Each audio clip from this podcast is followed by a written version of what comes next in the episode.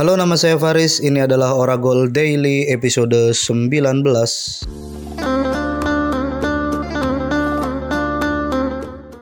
Selamat datang kembali di podcast Oragol karena sepak bola bukan hanya tentang gol barengan saya kelas Alfarisi.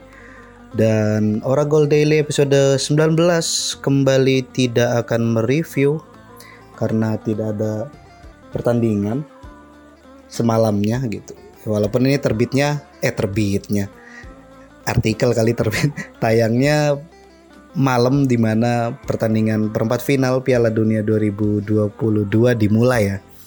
Tapi ya harusnya sih tayangnya siang-siang ya. Tapi ini siapa sih yang bikin jam tayang tuh jadi malam banget ya Allah. Sulit emang. Nah tapi di episode kali ini pengennya nge-review apa nge-review apa nge-preview gitu ya perhatiin jauh gitu. Tapi semuanya sudah diborong di episode 18 di episode pembacaan perempat final itu ya kan. Jadi bagi teman-teman yang sobat-sobat parlay sobat-sobat uh, all in all in ya kan itu mungkin bisa mendengarkan uh, aji-aji ataupun uh, petuah dan tips dari Mas Rehan Masjid. nah, yang pengen aku omongin adalah di episode kali ini itu soal ya sebenarnya topiknya klise ya, soal lagi-lagi soal banding-banding ke dua mega bintang yang saat ini masih ada gitu.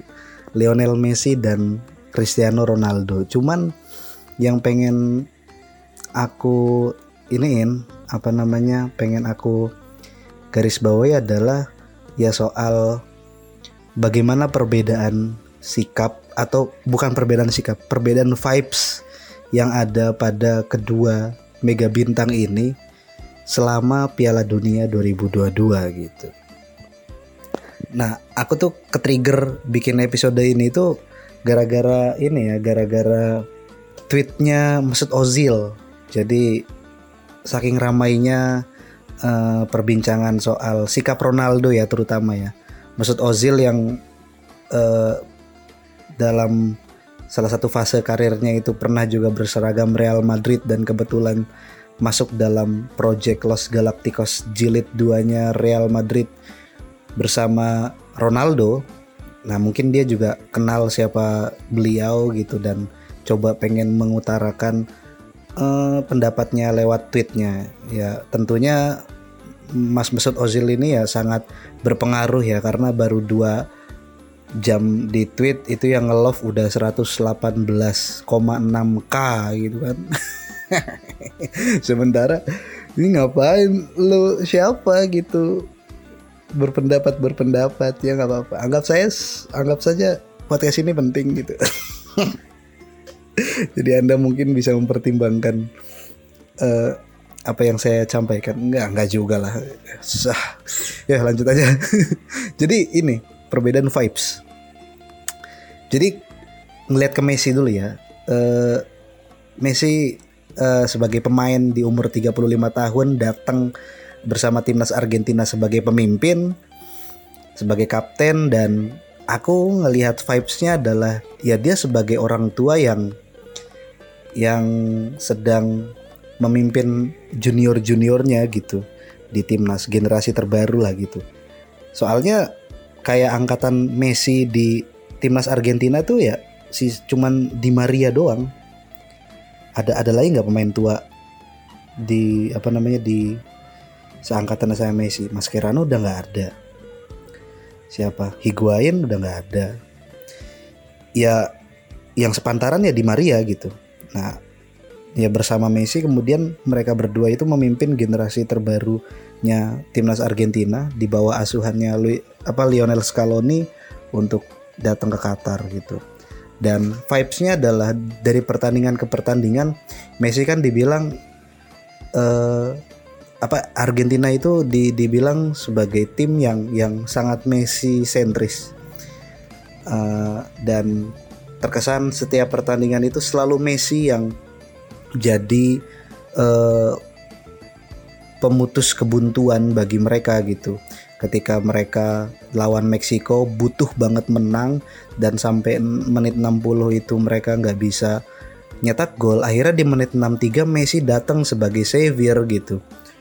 Jadi tapi yang apa namanya yang lain tuh ngikut aja gitu ada ada pun yang nyetak gol kayak Julian Alvarez, Enzo Fernandez di pertandingan-pertandingan setelahnya itu jadi kayak ngikut gitu loh. Tetap apa namanya narasi besarnya adalah Messi ngegendong Argentina gitu. Dan aku nggak tahu kalau misalkan Messi uh, udah nggak ya misalkan performanya jelek ya mungkin hatersnya itu akan ngebully ya akan ngebully akan ini. Apalagi aku tuh suka merhatiin ya Messi kalau ada di underperform underperform gitu ataupun lagi kalah timnya itu suka garuk-garuk jenggot. Kenapa ya? Ya gitu aja gitu. Kebingungannya dia tuh garuk-garuk jenggot. Perhatiin deh. Nah Sementara gitu, kita balik ke apa namanya sisi yang lain gitu, rivalnya. Yang di rival-rivalkan yang selalu dibanding-banding kayak gitu. Ya, ini konstruk media dan kita seluruh dunia ini mau apa namanya ya ke bawah arus konstruk itu gitu.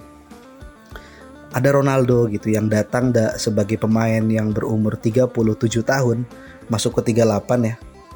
Saya Ronaldo tuh ulang tahunnya kapan ya?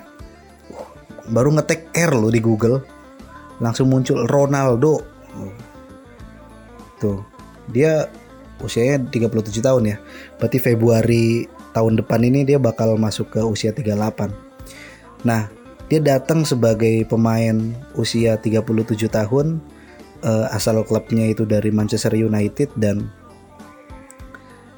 ya datang tentunya sebagai pemimpin juga karena dia pemain hebat. Siapa yang nggak mengakui Ronaldo sebagai pemain yang fenomenal gitu? Dan dia datang bersama timnas Portugal untuk sekian kalinya.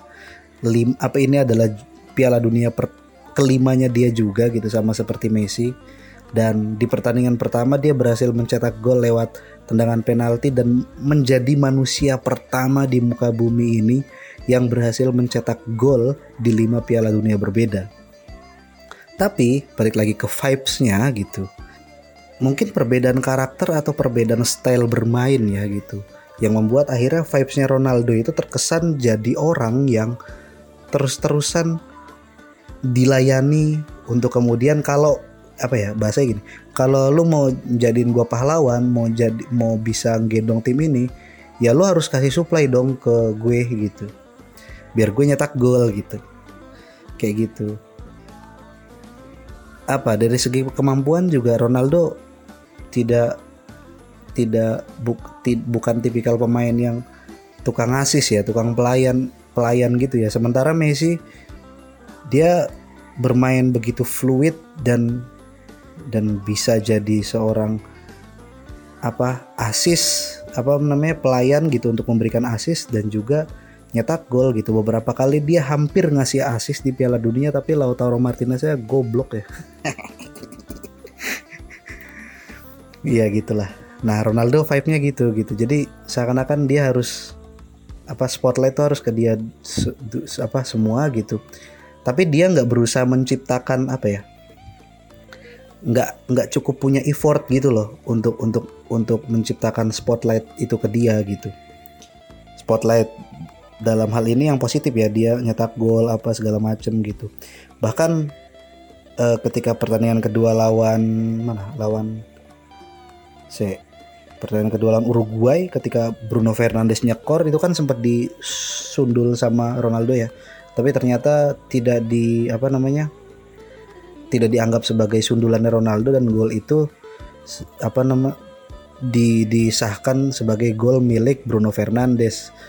Nah, itu sampai digugat sama PSSI-nya Portugal kan. Itu adalah golnya uh, Ronaldo tapi ternyata bolanya itu ada chip gerak ada chip sensornya yang bisa benar-benar nyensor ternyata kelihatannya disundul tapi sepersekian mili itu emang bola gak nyentuh kepalanya Ronaldo. Jadi maksudku apa ya? Kenapa harus sampai ya dia me, me, apa namanya me, mengklaim gol itu sampai akhirnya PSSI-nya Portugal juga minta FIFA untuk gol itu dikasih ke Ronaldo? Kenapa kalau lo bisa nyetak 5 gol dalam satu pertandingan ya dua ya lebih dari satu gol lah. Kenapa harus mengklaim gol yang punya orang dan itu punyanya junior lo gitu? Ya agak aneh aja sih aku ngelihatnya gitu. Agak aneh aja. Nah terus yang perlu digarisbawahi adalah uh, Messi datang ke Piala Dunia dari klubnya PSG dan tam, dari apa dan posisinya biasa-biasa aja gitu ya. Udah da, dari pemain yang biar apa hari-harinya main gitu di liga gitu dan lagi nggak ada masalah berarti gitu. Maksudnya PSG ya lagi menang-menang aja gitu. Uh, Messi pun penampilannya so-so nggak nggak terlalu bagus juga nggak terlalu jelek juga gitu. Sementara Ronaldo datang ke Piala Dunia itu dengan posisi dirinya itu habis melewati serangkaian apa ya momen ya momen psikologis lah ya jadi dia di apa namanya aku tuh nulis artikel soal curhat Ronaldo di apa sebelum Piala Dunia. Jadi ya ini pagi-pagi uh, update soal ada Ronaldo yang hadir di acaranya Piers Morgan nih lumayan mengejutkan gitu. Ya jadi latar belakangnya Ronaldo cukup dikesampingkan ya perannya di Manchester United oleh pelatih Erik ten Hag. Ya dengan segala alasannya Erik ten Hag lah gitu. Ya udah banyak yang udah banyak di bersebaran itu uh, di di media sosial gitu. Sementara terungkap dan, dan beberapa kali gitu Ronaldo me, me, memperlihatkan gestur yang memper, apa namanya menunjukkan kalau dia itu nggak senang di, dikesampingkan gitu perannya gitu. Secara ya kalau aku baca-baca di komen ya Ronaldo ya memang nggak pantas buat dikesampingkan karena dia legend di situ dia pemain hebat gitu seba, apa namanya seboncos apa pun permainannya, sejelek apa pun permainannya di lapangan, dia harus tetap terus dikasih kesempatan gitu. Sementara mungkin itu nggak jadi pilihannya Erik Ten karena Erik Ten orang dalam tahu betul keadaan timnya kayak gimana. Jadi ya hak dia gitu. Dan akhirnya itu jadi jadi jadi keputusan Ten Hag. Nah sementara Ronaldo nggak senang menunjukkan gestur bahwa dia nggak senang beberapa kali menunjukkan itu kayak misalkan dia ketika pengen dimainin di menit ke 80 ya dia nggak mau gitu dia pergi duluan terus uh, pas lawan Vallecano gitu dia terlihat pulang duluan gitu Nah, gestur-gestur itu kan menimbulkan asumsi ya. Nanti ada klarifikasinya, ternyata enggak karena ini, karena itu, bukan sikap negatif.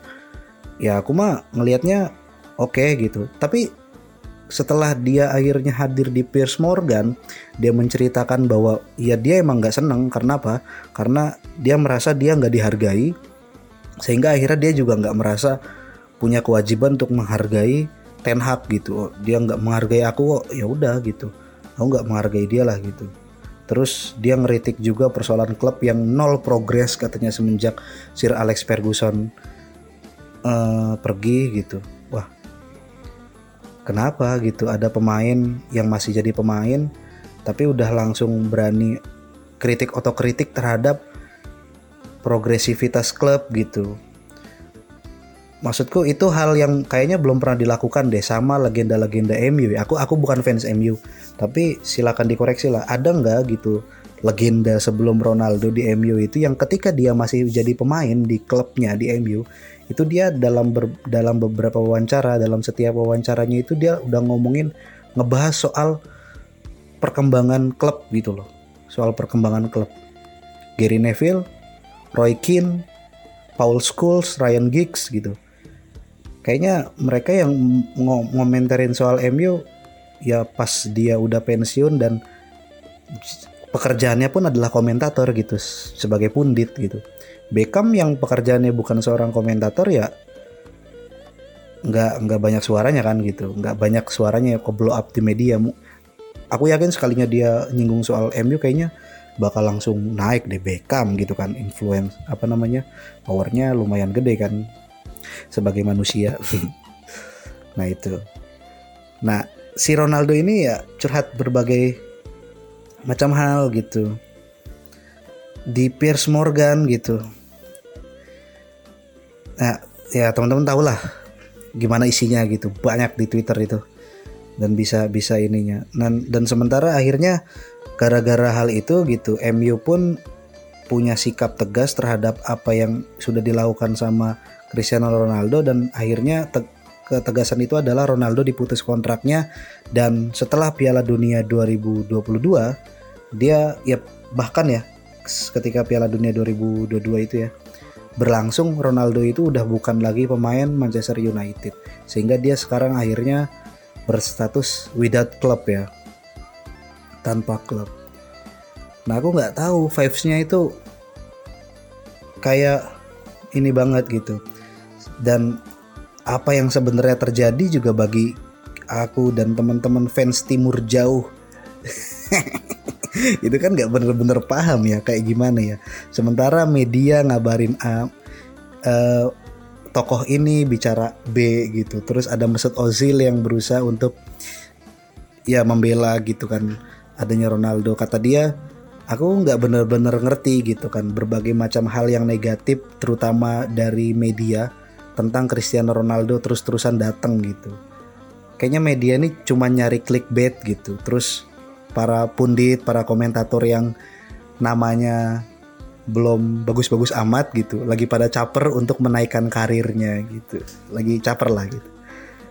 Terus kata Ozil, Ronaldo ini udah 38 tahun. Terus kenapa kamu terkejut gitu? Kenapa kamu heran sama pemain 38 tahun yang udah nggak bisa nyekor 50 gol dalam satu musim gitu. Ya FYI Ronaldo Ronaldo pernah nggak sih nyekor 50 gol dalam satu musim ya mungkin ini perbandingannya Mesut Ozil ya. Eh kenapa heran gitu dia udah 38 tahun gitu. Dan dia udah sementara dia hari ini tuh flop banget gitu performanya kata Mesut Ozil kita tuh udah ngelihat Ronaldo tuh bermain gemilang selama 20 tahun gitu. Dan kayaknya gitu. Dia kayaknya nggak akan bisa disamain sama generasi setelah pesepak bola pesepak bola setelah Ronaldo gitu. Ada nggak gitu yang bisa nyamain uh, kiprahnya Ronaldo kata Masud Ozil ya. Makanya kata kata Masud Ozil ayolah gitu tunjukkan sedikit respect kepada respect kepada uh, ya atlet paling keren di dunia ini gitu kata Ozil ya. Ya dia speak up gitu. Nah nah ya, oh, oh, ini udah berapa menit sih? Ah udah 18 menit lah. Ya ini harus segera saya akhiri ya. Ya pada intinya uh, semoga vibes yang ada di timnas Portugal bersama dengan Ronaldo itu membaik ya. Karena ya kalau misalkan nanti perempat final ini dia lawan uh, lawan siapa? Lawan Maroko Ronaldo kembali dicadangin mungkin suasananya akan makin rumit gitu. Oh iya aku pengen pengen mention kemarin aku nonton Pildun FC-nya box to box gitu terus ada komentar Rossi Finza atau Dex Leniza dia merasa bahwa Ronaldo itu saat saat ini itu sedang dikelilingi oleh bubble yang terus-terusan memuja dia, terus-terusan me, uh, ya membela dia gitu, die hard die hardnya gitu, yang yang mana itu sebenarnya toxic gitu. Harus ada orang yang mungkin sedikit bitter gitu untuk menyadarkan bahwa Ronaldo sebagaimanapun uh, penampilan yang dia dapatkan gitu buruk apa gimana ya nggak sepantasnya dia kemudian punya sikap yang berlebihan gitu. Nah ini update-nya ya Fernando Santos. Wah belum ada. Kirain ini kirain konfirmasi apa namanya kirain konfirmasi Ronaldo bakal dicadangin lagi. Ternyata enggak ya? Ternyata enggak. Ya semoga enggak cadangan lagi sih. Uh -uh. terus pemain-pemain mudanya juga ketika konferensi pers termasuk Joao Felix ya dia menolak untuk uh, untuk untuk untuk nanggepin lebih banyak ya Cristiano Ronaldo, I will not answer this question because the media will create false context. It's all they do katanya. Oke, okay. ya ya ya ya. Ya ya Jao Felix juga mungkin merasa wah ini udah kejauhan gitu framing yang di ini sama media ya gitu. Jadi mungkin apa harus reda dulu ketegangan ini harus reda dulu yang padahal kayaknya biasa-biasa aja gitu yang terjadi di di apa namanya di internal timnas Portugal gitu. Pemain mudanya juga pada respect gitu ke Ronaldo dan Ronaldonya pun sebenarnya ya butuh ketenangan gitu. Mungkin tekanannya sekarang lagi kencang banget gitu kan ke arah Ronaldo karena mungkin kayak gitu efek dibanding-banding kayak ketika satu rivalnya itu bagus gitu. Ya bagus dalam artian mungkin penampilannya bagus ataupun uh, vibes-nya vibe-nya bagus gitu ya nanti rivalnya kayak Ronaldo ya kemudian dibebankan sama ekspektasi yang berlebihan. Aku aku yakin sih so diehard diehardnya Ronaldo itu dia yang sering ya terutama di Indonesia yang sering komentar-komentar ya membela Ronaldo gitu apa segala macam. Dia juga adalah pelaku yang membebani Ronaldo dengan begitu banyaknya ekspektasi pasti itu Iya udah berdamai aja kalian gitu. Nge ngebela Ronaldo itu gini gini gini. Pas Ronaldo main juga kalian berekspektasi. Dan diam-diam memendam kekecewaan gitu. Anjing idola gue hero gue di masa kecil udah nggak lagi kayak dulu gitu. Terus ketika ada media yang berusaha melintir gitu. Wah Ronaldo bla bla bla bla. Ya lu denial gitu. Denial. Untuk meng ya apa tidak mengakui kenyataan itu gitu.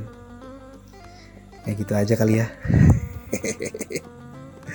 Ya itulah Piala Dunia yang seru ya ya Ronaldo sama Messi apa lagi yang yang Maroko meraih mimpi ya nantilah. Kalau misalkan nanti Maroko berhasil menang lawan Portugal keren banget sih anjir. Tapi malam ini pas rekaman ini tayang itu ada Brazil lawan Kroasia dan dini harinya ada Belanda dan Portu eh, Belanda dan Argentina. Famos Argentina. Oke, makasih yang udah dengerin ya. Ini konklusinya nggak ada. Yuk, biar jadi bola panas aja lah bagi orang-orang yang dengerin. Makasih teman-teman semuanya udah mau dengerin. Dan kalau mau silakan follow at podcast Oragol di di mana nih? Di Instagram, di Instagram dan uh, ya semoga akan makin banyak konten-konten nggak cuman posting story doang. Posting storynya repost lagi nemu di dari dari IG apa Twitter. Oke makasih. Bye bye